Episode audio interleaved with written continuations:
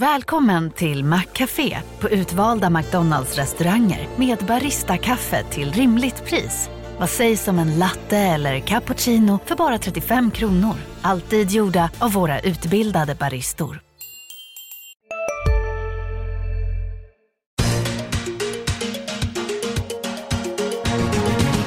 Hej och välkommen till Makrorådet, dagens industris podd om de stora ekonomiska frågorna. Jag heter Viktor Munkhammar. Med mig idag har jag Anna Breman, analytiker på Swedbank och Per Magnusson, chefsanalytiker för Royal Bank of Scotland i Skandinavien. Välkomna hit båda två. Tack. Tack, tack. Idag ska vi prata om Riksbanken, vi ska prata om Grekland, kära återkommande ämnen. Men vi börjar med vårbudgeten. Anna, vad är din reaktion på det som regeringen har presenterat idag? En försiktig vårproposition och en försiktig prognos också i, som de presenterar. Är det De- BNP-prognosen du tänker på? Ja, och även inflationen. Ja. Det är en väldigt låg inflationsprognos från regeringen idag. Jaha. Lägre än de flesta andra bedömares prognoser. Okej, inflationen. några tankar om vad det beror på? Ja, det är ju intressant med tanke på att de höjer en del skatter som faktiskt borde pressa upp inflationen lite nästa år. Så att det underliggande skattetrycket, eller underliggande inflationstrycket, förlåt, bedömer ju de är väldigt svagt i svensk ekonomi.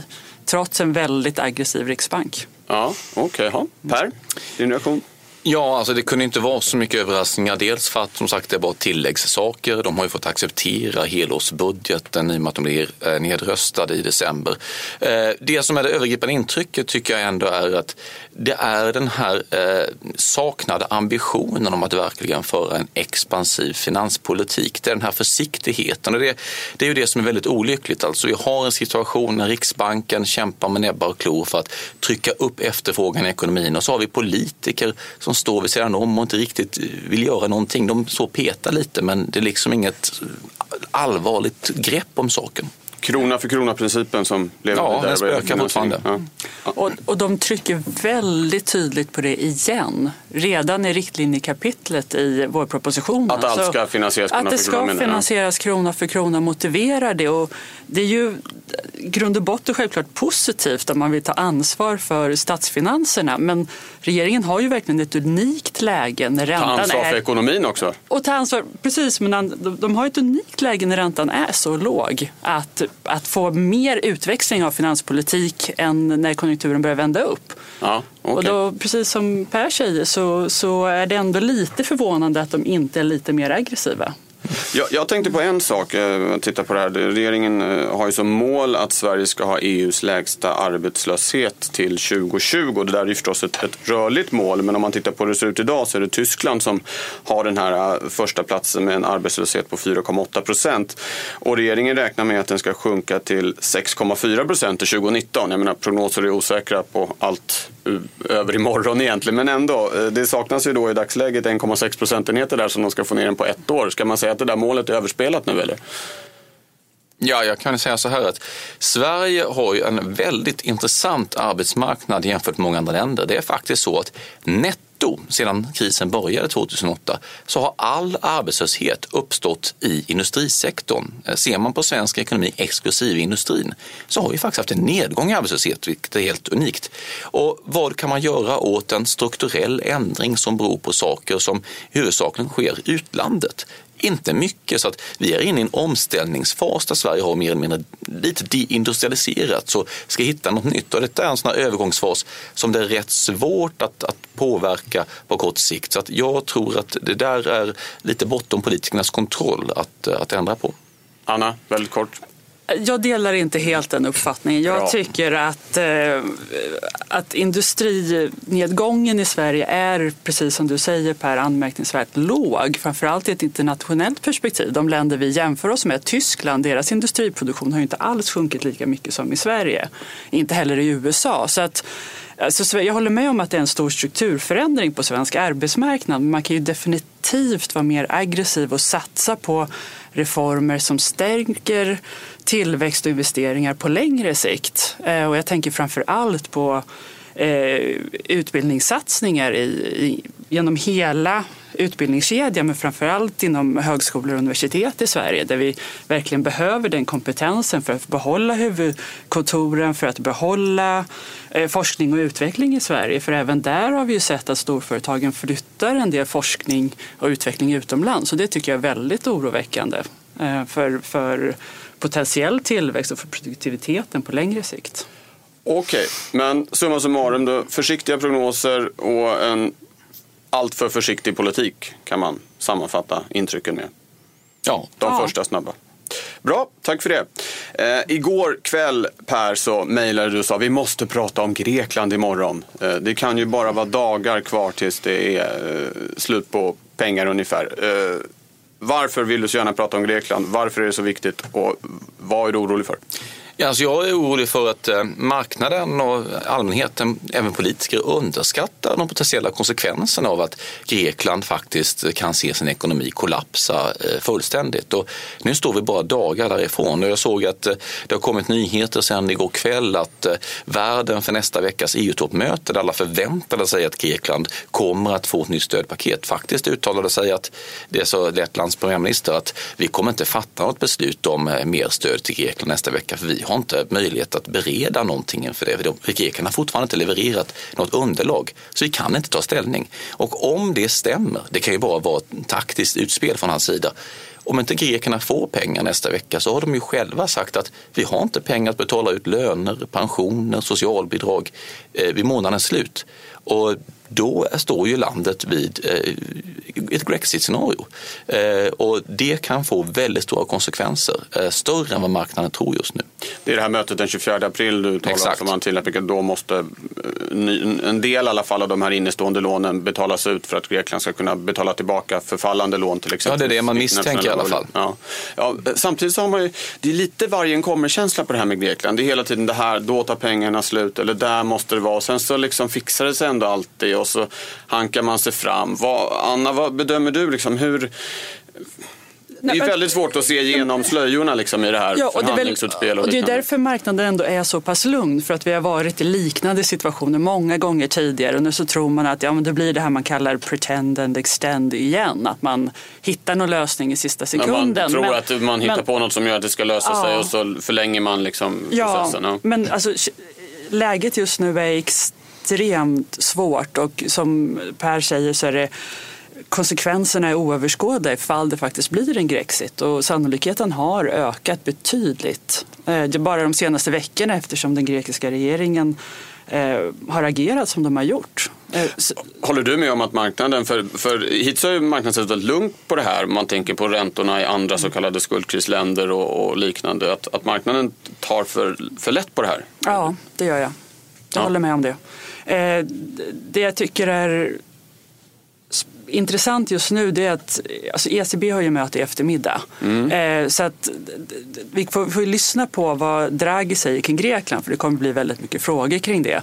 Eh, det som gör situationen annorlunda mot 2011-2012 när hela eurokrisen startade det är ju att idag är faktiskt ECB ute och köper en massa statspapper. Så att om, de här, eh, om Grekland faktiskt skulle lämna euroområdet så finns det stora risker för spridningseffekter till Portugal och Spanien, de andra länderna som har svaga statsfinanser.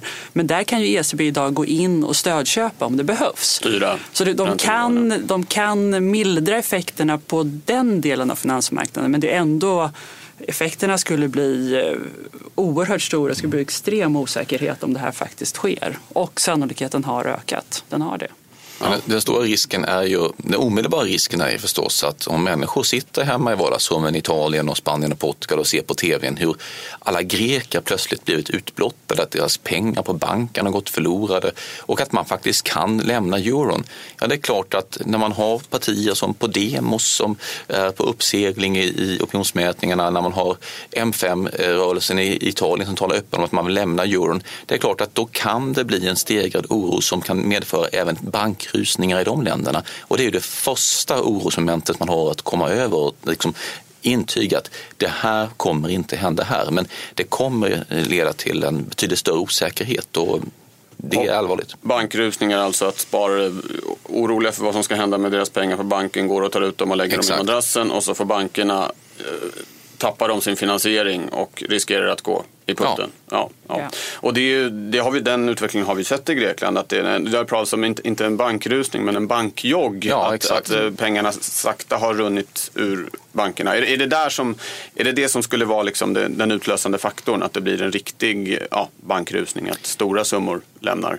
Ja, det, det, det, är den ena saken, nämligen att om det sker så är det allvarligt. Men sen så är det ju så eh, klart att eh, man har ju, alltså, man kan säga att beslutet att glida ur, exit, ur, ur euron, eh, det är ju på sätt och vis eh, politiskt framdrivet av Syriza för de har varit så omedgörliga. Eh, och det är klart när man har andra politiska rörelser i de här länderna som också kan skapa ett liknande scenario, då kommer ju människor bli väldigt oroliga för det. Och det där kan ju slå på två håll. Antingen så blir de väldigt avskräckta av det som har hänt i Grekland och då kanske de här mer radikala rörelserna tappar stort stöd. Eller så kanske de glider ut och de, de istället kan se att titta vad euron har gjort med ett land det, vi, vi vill få ännu mer opinionsstöd på detta. Så det där kan slå åt båda håll och det, det är allvarligt. Ja. Okej, okay, vi får säkert återkomma till, eh, till Grekland. Om 13 dagar, det är alltså onsdagen den 15 april när vi pratar här, så eh, kommer ett nytt räntebesked från Riksbanken. Eh, både Swedbank och RBS hade rätt om att Riksbanken skulle agera mellan möten i mars Eh, grattis, får man väl säga. Tack, tack. Eh, till att börja med, helt kort Anna, det var vissa där ute som trodde att det här inte berodde på att ni hade gjort en korrekt analys utan att ni hade någon slags att det var en läcka i Riksbanken. Vad tänkte ni när ni, när ni såg eller hörde det? Ja, det, är ju, det är så förvånande mig, det var att det inte var flera personer som förväntade sig att Riksbanken skulle agera mellan möten när de de facto hade sagt att de skulle och kunde agera, eller inte skulle men att det var en möjlighet ja, att de skulle agera ja. mellan möten. Eh, det vi, när de lämnade beskedet som en analytiker, det man gör är ju att man tittar på kalendern, man tittar vilken viktig data som kommer, man tittar vi är specialister på det vi gör, precis som du. Därför försäkrar vi på Swedea bara småföretag, som ditt. För oss är små företag alltid större än stora och vår företagsförsäkring anpassar sig helt efter firmans förutsättningar. Gå in på swedea.se företag och jämför själv. Hej, Synoptik här. Hos oss får du hjälp med att ta hand om din ögonhälsa. Med vår synundersökning kan vi upptäcka både synförändringar och tecken på vanliga ögonsjukdomar. Boka tid på synoptik.se. När har Riksbanken olika möten och så noterar man att ja, den 18 mars har de ett möte. Veckan innan kommer väldigt viktig data på inflation, inflationsförväntningar. Det var flera tal av olika riksbanksledamöter. Så att, eh, jag är väldigt förvånad att det inte var fler som förväntade sig att Riksbanken skulle agera den 18 mars. Ja, Okej, okay.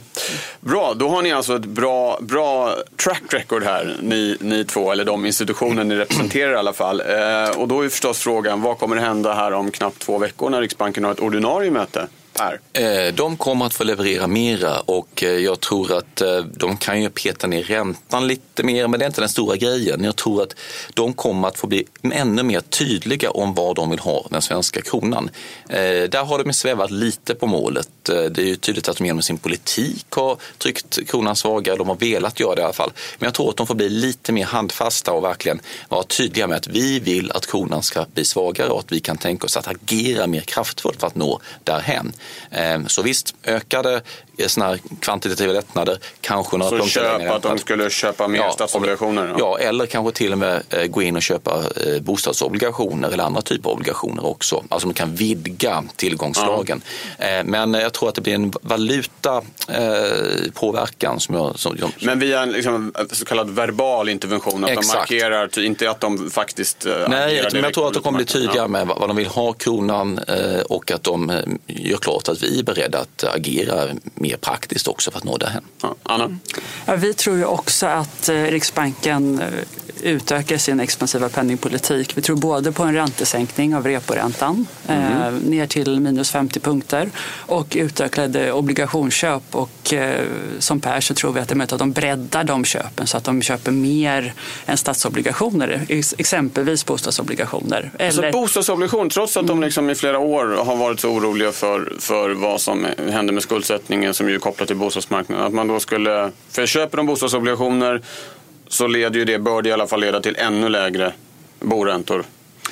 Ja, men Riksbanken har den senaste uttalanden varit väldigt tydliga med att de prioriterar inflationsmålet.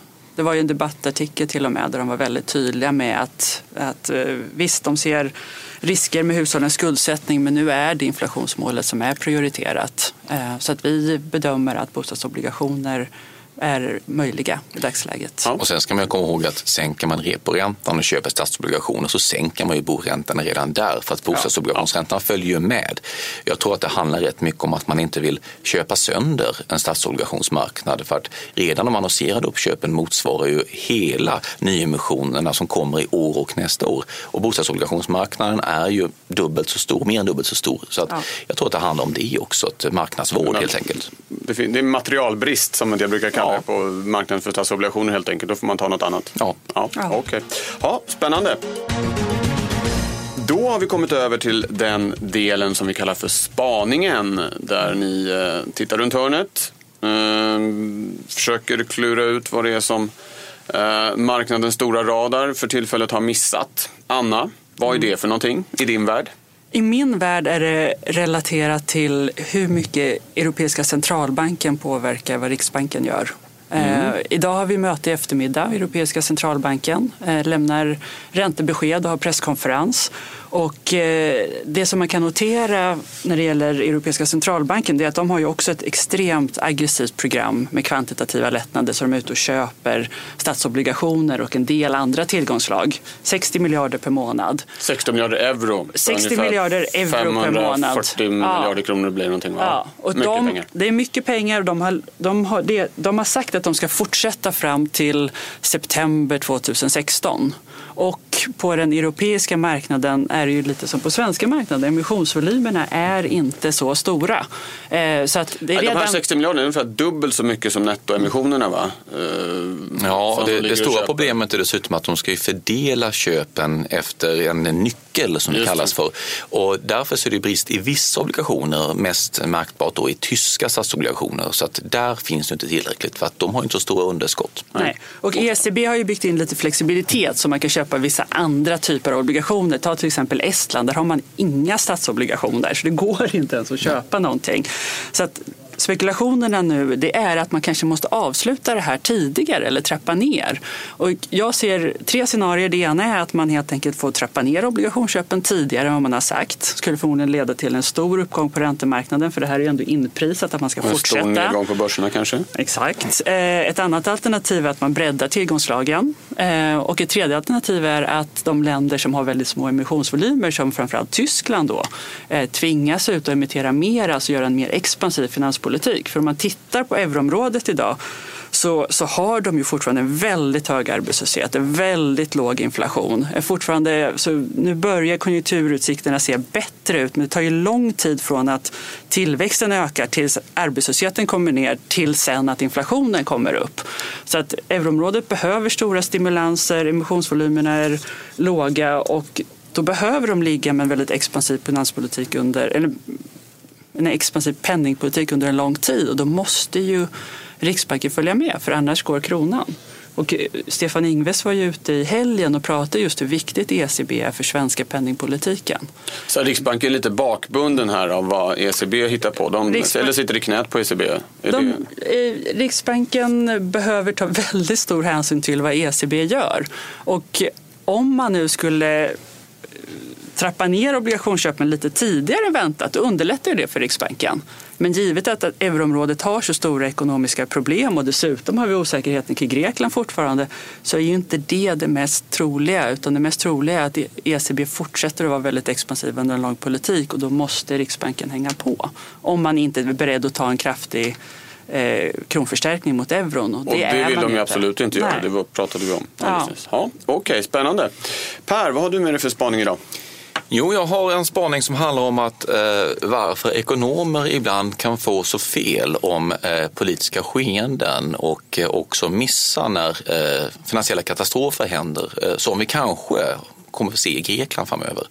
Eh, och det är ju så att ekonomer, vi, vi tränas ju i att hela tiden eh, räkna fram vad som är det mest rationella utfallet. Alltså vi sitter och tänker, ja, det här A, B och C och eh, det mest rationella utfallet, det som optimerar ett utfall, det är om det blir utfall A. Och därför översätter vi det. Därför är det också det mest sannolika utfallet. I fallet Grekland då, både Grekland och eurozonen Ja. har mer att förlora på att det blir en Grexit än att man gör en kompromiss. Så, så Därför borde vi. det bli en kompromiss. Eh, Och så är det rationellt att tänka ofta när man håller på med rent finansiella variabler, att det som är mest lönsamt är det som man också aktörer väljer att göra. Men det är ju inte så det går till i politiken alltid, utan det är mycket mer komplext, många fler variabler. Eh, Och det är ju inte så att dåliga saker händer för att aktörerna vill att de ska hända. De händer ju trots att aktörerna inte vill att det ska hända. Och i Grekland är ett sånt här exempel där vi har blivit invaggade i en situation med att ja, men det är klart att det vore ju väldigt dumt av grekerna att föra landet till en Grexit då det skulle kunna betyda total katastrof och dessutom så har man ju sagt till sina väljare att vi ska vara kvar i euron. Så det är klart att det inte kommer hända. Men det är inte alls så klart att det inte kommer hända för att det kan leda fram till detta trots att de inte vill det. Det kan bli en oförutsedd konsekvens av flera aktörers handlande. Eh, så att jag tycker man ska vara rätt ödmjuk inför det här och acceptera att eh, de här storheterna är väldigt svåranalyserade och man kan inte sätta likhetstecken mellan det mest rationella och det mest sannolika. Så att ekonomer behöver bli bättre på att förstå politikens drivkrafter eh, ungefär, eller? Ja, så kan det vara. Eller i alla fall ha en större ödmjukhet och inse att det inte alltid är så att det mest rationella är det mest sannolika. Anna, är du för dålig på att förstå politikens drivkraft? Du är ju en jätteduktig ekonom. Är det, är det, är det en lucka? Eller vad, vad säger du? Nej, alltså till mitt försvar så skrev jag faktiskt en avhandling inom det som kallas behavioral economics där man tittar på områden inom, alltså i, i de fallen där ekonomiska agenter som man kallar det inte beter sig fullt rationellt. Så jag känner mig ganska trygg med den Ja.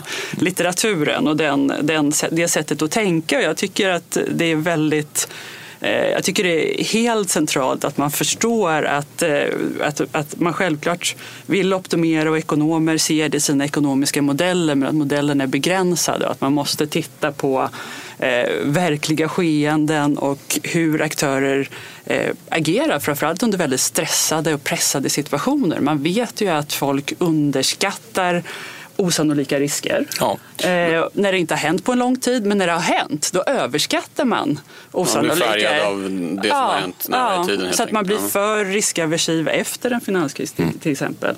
Så att det, är, det här är helt centralt. Och sen ska man ju komma ihåg att även om individuella agenter agerar rationellt utifrån sina motiv så kan ju det aggregerade resultatet bli suboptimalt ändå. Ja. Och det är ju en sån situation som vi kan stå inför i Grekland. Att varje med sina egna små politiska hänsyn så kan de tycka att det här är det smartaste.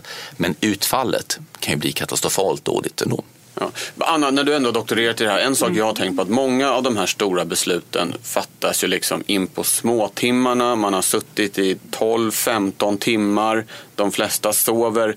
Hur, hur påverkar det eh, kvaliteten på besluten och, och vad det blir? Jag brukar alltid vara lite orolig inför sådana här nattmanglingar. Liksom. Jag vet själv, jag, jag, ja, klockan fyra på morgonen är man liksom inte på topp. Eller de Nej. flesta av oss i alla fall. Nej, och det, det tror jag inte ens man behöver vara nationalekonom för att, för att veta att man vet att sömnbrist kan leda till dåliga beslut. Alltså det, det, det är uppenbart. Å andra sidan får man komma ihåg att väldigt duktiga förhandlare vet ju att sömnbrist kan leda till dåliga beslut hos andra och att man då får Ja. som man vill. Så att eh, det, kan ju, det används ju i, i förhandlingar som en taktik för att eh, trötta ut sina motståndare. Jag tror väl att eh, Otto von Bismarck eh, slog huvudet på spiken när han formulerade saken som att eh, det är två saker man inte ska se på när de blir tillverkade för att man ska tycka de är aptitliga. Det ena är korv och det andra är politik. Okej, eh, det får avsluta eh, detta avsnitt av Makrorådet. Tack ska ni ha. Tack ska du ha som har lyssnat. Eh, ett nytt makroråd kommer den 29 april. Hej så länge!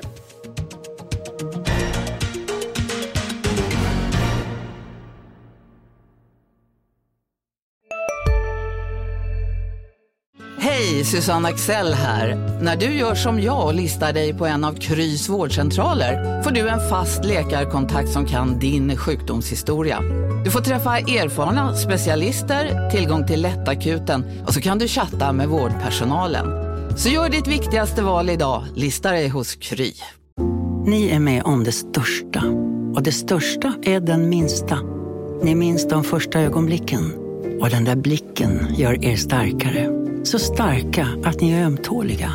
Men hittar trygghet i Sveriges populäraste barnförsäkring. Trygg Hansa. Trygghet för livet.